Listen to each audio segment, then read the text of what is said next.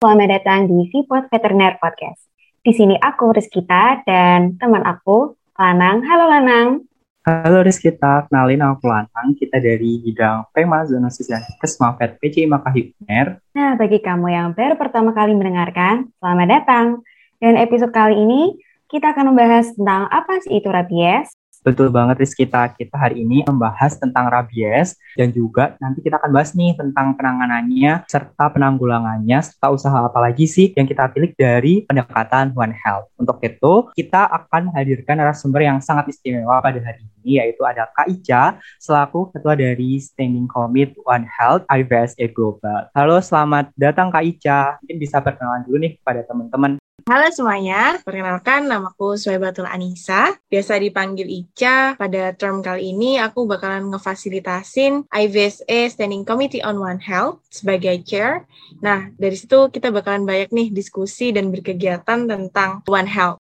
Wah, betul banget nih seperti kayak yang dikatakan Kak Ica tadi. Tentunya pembahasan kita hari ini nanti akan cukup komprehensif juga karena kita akan bahas bareng Kak Ica selaku ketua dari Seni Pamit dari One Health IVSA Global yang seperti kata tadi yang nanti Kak Ica akan juga membahas penyakit-penyakit yang dipilih dari pendekatan One Health itu. Nah, kali ini karena kita membahas tentang apa sih itu rabies, sebenarnya uh, Lanang, rabies yep. secara umum itu seperti apa sih? Nah, mungkin nggak sih aja sih yang belum tahu. Mungkin teman-teman yang mendengar mendengar ini pun pasti juga mungkin familiar ya, tapi mungkin belum tahu sepenuhnya apa sih rabies itu kayak gitu. Mungkin aku pun juga saat ini sedang belajar kedokteran hewan ya, tapi belum tahu sepenuhnya juga tentang penyakit ini. Untuk itu langsung aja kita tanyakan nih kepada Kak Ica, gimana sih Kak sebenarnya penyakit rabies ini tuh? Nah, rabies sendiri merupakan penyakit zoonotik yang disebabkan oleh virus dan dapat menyerang sistem saraf pusat pada manusia maupun hewan mamalia. Sedangkan penyakit zoonosis ini atau si rabies ini memiliki mortalitas yang cukup tinggi nih teman-teman, yaitu mencapai 100%. Dan virus rabies ini atau sering disebut Lisa virus biasanya terdapat pada air liur serta jaringan syaraf dari hewan yang tertular rabies. Sedangkan penularannya nih bisa melalui gigitan hewan atau masuk melalui luka-luka yang ada pada kulit dari manusia maupun hewan rute yang paling penting adalah dari gigitan dari hewan yang terinfeksi, teman-teman. Sedangkan gejala klinisnya akan muncul ketika sudah mencapai sistem saraf pusat. Oke, seperti yang dikatakan Kak Ica tadi ya, ternyata rabies ini itu disebabkan oleh virus, teman-teman. Terus penularannya seperti yang dikatakan tadi, lewat gigitan dari hewan yang terinfeksi rabies dan juga melalui luka yang terkontaminasi air liur hewan-hewan terkontaminasi rabies kayak gitu. Nah, sebenarnya Kak Ica aku mau tanya nih, persebaran penyakit itu sebesar apa sih, terutama kalau dari sisi global ya, secara global maupun di Indonesia sendiri? Nah, untuk situasi rabies di dunia sendiri, rabies merupakan masalah kesehatan di dunia dan bersifat endemis jadi hampir ada di seluruh benua kecuali Antartika. Menurut World Health Organization atau WHO, rabies dilaporkan terjadi di 92 negara dan bersifat endemik di 72 negara dan didominasi banyak 95% kasus-kasus tadi terjadi di daerah Asia maupun Afrika, teman-teman. Seperti yang terjelaskan pada data-data yang dimiliki, bahwa jumlah kasus rabies pada manusia rata-rata per tahun di beberapa negara di Asia, antara lain ada 20.000 kasus di India, 2.500 kasus di Cina, 2.000 kasus di Filipina, 9.000 kasus di Vietnam, dan di Indonesia sendiri terdapat 168 kasus. Maka dari situ kita punya banyak PR nih teman-teman, terutamanya kita di Indonesia sebagai daerah yang turut memiliki jumlah kasus rabies yang cukup banyak. Wah, besar daerahnya itu cukup luas banget. Tadi sempat disebutkan bahwa wilayah yang tidak terinfeksi rabies itu hanya Antartika. Coba bayangin saja deh, itu sangat luas banget. Apalagi 95 persennya itu dari negara Asia, termasuk Indonesia itu. Mungkin juga ada tambahan juga saat ini di Indonesia itu, tahun 2016 kemarin, hanya 9 provinsi yang terkonfirmasi bebas dari rabies. Dan 5 di antaranya itu memang bebas secara historis, tapi yang empat lainnya itu adalah bebas ketika sudah diperangi, kayak gitu. Nah, Nah, gimana nih Riz? Apakah kamu sendiri sudah paham Riz tentang persebarannya? Wah, jujur nih, cukup menyeramkan juga ya penyakit rabies ini. Nah, aku mau tanya nih sama Kak Ica, sebenarnya ancaman dari penyakit rabies ini seperti apa sih Kak Ica? Sebenarnya di rabies sendiri itu seperti yang aku bilang ya teman-teman bahwa mortalitasnya ketika gejala klinis mulai muncul utamanya di manusia dan hewan, maka mortalitasnya mencapai 100%. Bahkan faktanya bahwa rabies dapat membunuh seseorang setiap 9 menitnya di seluruh dunia. Dan perlu teman-teman ketahui bahwa diperkirakan ada 55 ribu orang meninggal dunia karena rabies setiap tahunnya, di mana 99% kasusnya terjadi akibat gigitan anjing yang terinfeksi. Wah, ancamannya cukup serius banget ya, risk kita hampir 100% nih mortalitasnya. Mungkin perlu aku juga mau nambahkan nih beberapa informasi lagi tentang ancaman itu. Salah satunya kita nih sebagai dokter hewan, mungkin teman-teman di sini yang mendengarkan ini juga kolega dokter hewan ataupun mahasiswa kedokteran hewan juga patut aware juga nih tentang penyakit ini karena kita dokter hewan itu sangat erat nih kontak kita terutama dengan anjing. Untuk itu pasti ancamannya terhadap penyakit ini pun juga cukup serius kayak gitu. Sehingga teman-teman ini juga penting banget untuk mengetahui hal tersebut. Nah, setelah kita mengetahui ancamannya, sebenarnya apa sih dampak yang ditimbulkan atau badan of disease-nya terhadap uh, negara maupun terhadap lingkungan sekitar. Mungkin Kak Ica bisa memberikan informasinya Kak tentang hal itu. Tentang dampak rabies sendiri, secara umum dampak rabies adalah yang pertama, tentu ya teman-teman, seperti yang kita udah diskusikan tadi bahwa kehilangan nyawa manusia dan hewan. Dampak kedua yaitu adalah dampak ekonomi dan yang ketiga adalah dampak sosial. Menurut WHO lagi bahwa secara global nih, estimasi kasus kematian yang diakibatkan oleh rabies bisa mencapai 55 ribu per tahunnya. Dengan kata lain bahwa korban jiwa yang diakibatkan oleh rabies ini lebih dari jumlah korban meninggal akibat mungkin yellow fever, demam berdarah dengue, atau Japanese encephalitis. Sedangkan cara dampak ekonomi sendiri, secara umum rabies di seluruh dunia diperkirakan mencapai 8,6 miliar US dollar setiap tahunnya. Perkiraan kerugian ekonomi ini dihitung berdasarkan beban dari penyakit tersebut, yaitu kematian, pembiayaan yang disebabkan karena adanya pembiayaan rumah sakit, sakit, biaya obat-obatan termasuk vaksin anti rabies dan obat-obatan, serta biaya tidak melakukan aktivitas normal. Maksudnya, semisal sebelumnya ada seseorang yang normalnya bekerja, namun karena sakit jadinya tidak dapat bekerja gitu. Selain itu, kerugian ekonomi lainnya yang juga diperhitungkan adalah kerugian akibat biaya pengendalian dan pemberantasan. Selain kerugian ekonomi sendiri, salah satu bentuk dampak dari rabies adalah dampak sosial, di mana yang paling nyata adalah adanya keresahan masyarakat yang disebut disebabkan oleh adanya wabah rabies sendiri. Sehingga akan mempengaruhi nih misalkan waktu-waktu produktif dari masyarakat-masyarakat yang terdampak oleh rabies sendiri. Wah, banyak sekali ya beban-beban yang diakibatkan oleh penyakit ini seperti tadi mengenai ekonomi mencapai 8,6 miliar US dollar per tahunnya dan juga angka kematian yang mencapai 55 ribu kematian per tahunnya. Ini cukup besar sekali ya teman-teman. Bahwasanya juga kalau kita lihat sampai saat ini kita juga sangat terbebani ya baik secara ekonomi maupun kehidupan. Bahwasanya ternyata rabies juga sama. Untuk itu berarti penyakit ini tuh punya peluang yang sama gitu teman-teman kalau seumpama ini benar-benar tidak ditanggulangi secara cepat cepat kayak gitu. Nah, membahas mengenai pemberantasan nih teman-teman. Kita dari kedokteran hewan dan juga dari divisi kesehatan itu mengenal namanya pendekatan One Health. Nah, katanya nih pendekatan One Health ini termasuk pencegahan yang cukup efektif. Mungkin bisa dijelaskan juga Kak Ica apakah hal ini benar? Terus pendekatan One Health ini tuh seperti apa sih yang jika diimplementasikan kepada penyakit rabies ini? Mungkin bisa diberikan informasinya juga Kak. Ngomong-ngomong tentang One Health Approach atau pendekatan One Health terhadap pengendalian kasus rabies, aku mau ngajak teman-teman untuk recall atau ngingat kembali nih teman-teman tentang fakta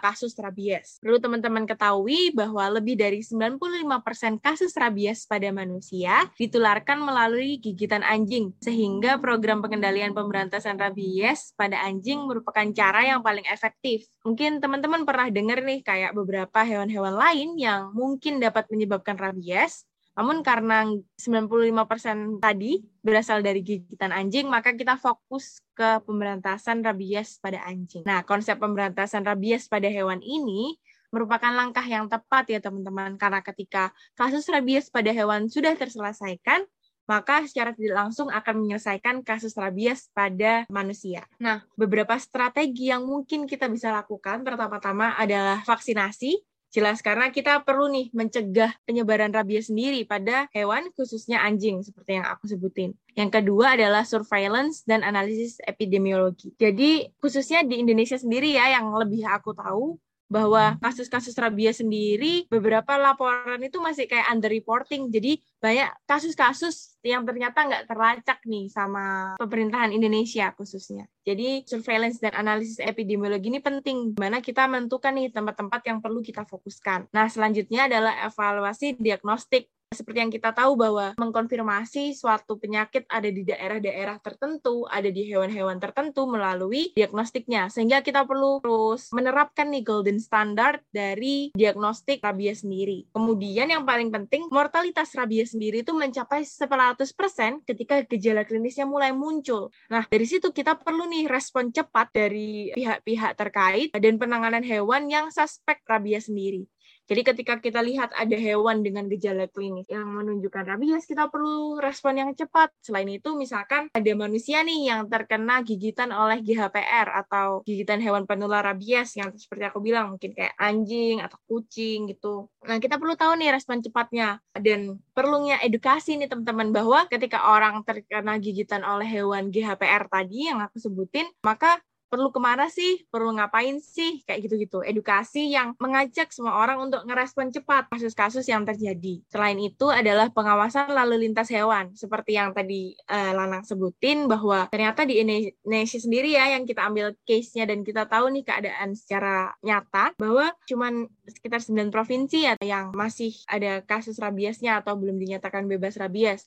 Maka kita perlu nih mengamatin pengawasan lalu lintas hewan di mana daerah-daerah yang sudah bebas harus lebih berhati-hati untuk melakukan penerimaan lalu lintas hewan itu sendiri. Selain itu, seperti yang aku sebutin, karena anjing mendominasi penyebaran rabies ini, maka kita perlu juga tahu nih manajemen populasi anjing.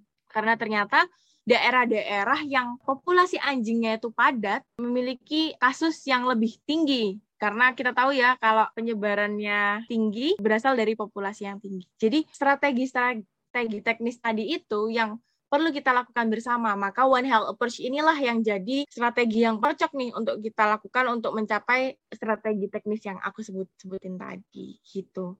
Wah, Wah, ternyata betapa pentingnya pendekatan dari One Health itu ya, Nang ya, dan juga Kak Ica. Sebagai standing committee dari IVS ESCO, aku dan teman-teman ingin tahu nih, menilik usaha dari IVS ESCO sendiri untuk pemberantasan penyakit rabies ini seperti apa sih, Kak? Uh, terima kasih Rizky atas pertanyaannya. Seperti yang kita tahu bahwa IVS ESCO adalah salah satu organisasi atau standing committee yang mengemban tugas untuk raise awareness tentang One Health dan veterinary public health ke mahasiswa kedokteran hewan secara global gitu ya teman-teman. Nah, dan kasus rabies ini merupakan salah satu PR juga buat kita dalam penanggulangannya. Ada beberapa proyek yang kita lakuin. Yang pertama tadi ya sebagai mahasiswa sendiri, kita punya tugas nih buat educate people, uh, educate community gitu. Jadi proyek yang pertama adalah jelas satu adalah ngelakuin kayak social media awareness gitu kepada seluruh mahasiswa kedokteran hewan. Masuk yang kita lakuin sekarang mungkin ya salah satunya.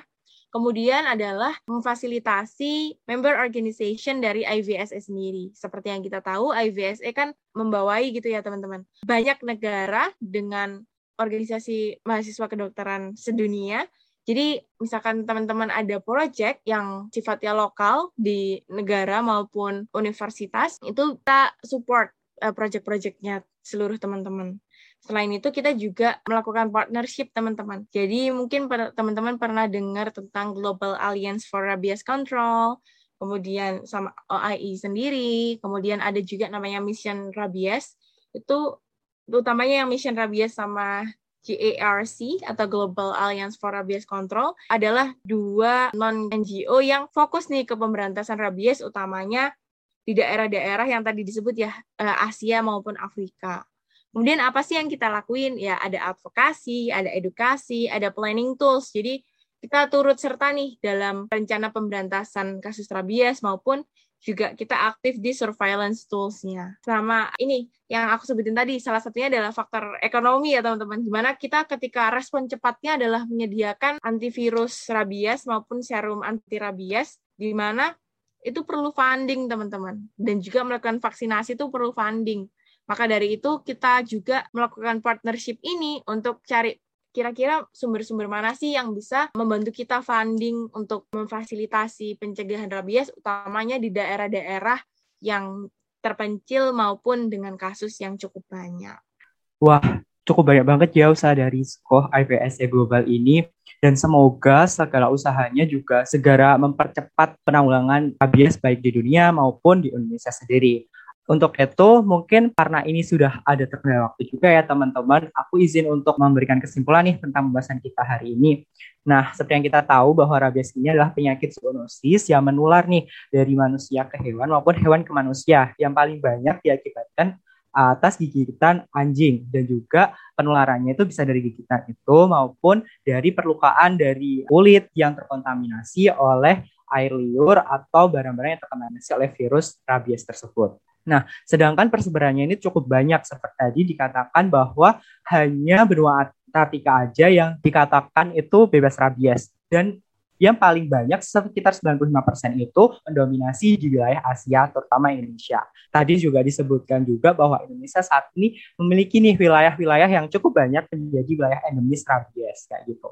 Nah, kalau kita melihat tentang ancaman, ancamannya juga besar sekali teman-teman. Bahwa tadi juga disebutkan bahwa 100% untuk mortalitas ditimbulkan ketika uh, tercapainya manifestasi klinis yang timbul itu. Selain itu juga dampak terhadap ekonomi, serta kematian, dan juga dampak sosial yang diakibatkan penyakit ini cukup serius. Untuk itu, seperti yang dikatakan oleh Kak Ica, banyak sekali nih usaha-usaha yang bisa kita lakukan seperti kita sebagai mahasiswa saat ini, terutama melalui platform ini, kita memberikan awareness nih, melalui edukasi, baik secara sosial media maupun secara person to person untuk memberikan awareness nih terhadap penyakit ini.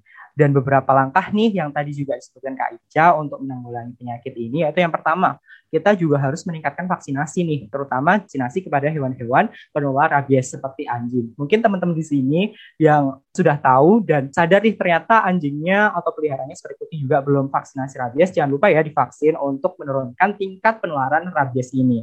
Yang kedua adalah peningkatan surveillance dan analisis epidemiologi yang telah dikatakan oleh Kak Ica tadi, serta respon cepat dari pihak terkait serta penanganan hewan suspek penyakit rabies dan juga mengenai pengontrolan lalu lintas hewan dari wilayah-wilayah yang tersuspek atau terindikasi memiliki peluang penyebaran penyakit zoonosis rabies ini yang cukup tinggi. Itu juga menjadi concern kita untuk menanggulangi penyakit ini, teman-teman. Gimana Riz kita? Apakah kamu sendiri sudah jelas untuk uh, pembahasan kita hari ini? Pastinya kali ini aku banyak banget mendapatkan ilmu dari Kak Ica dan juga Lanang dan juga teman-teman semua.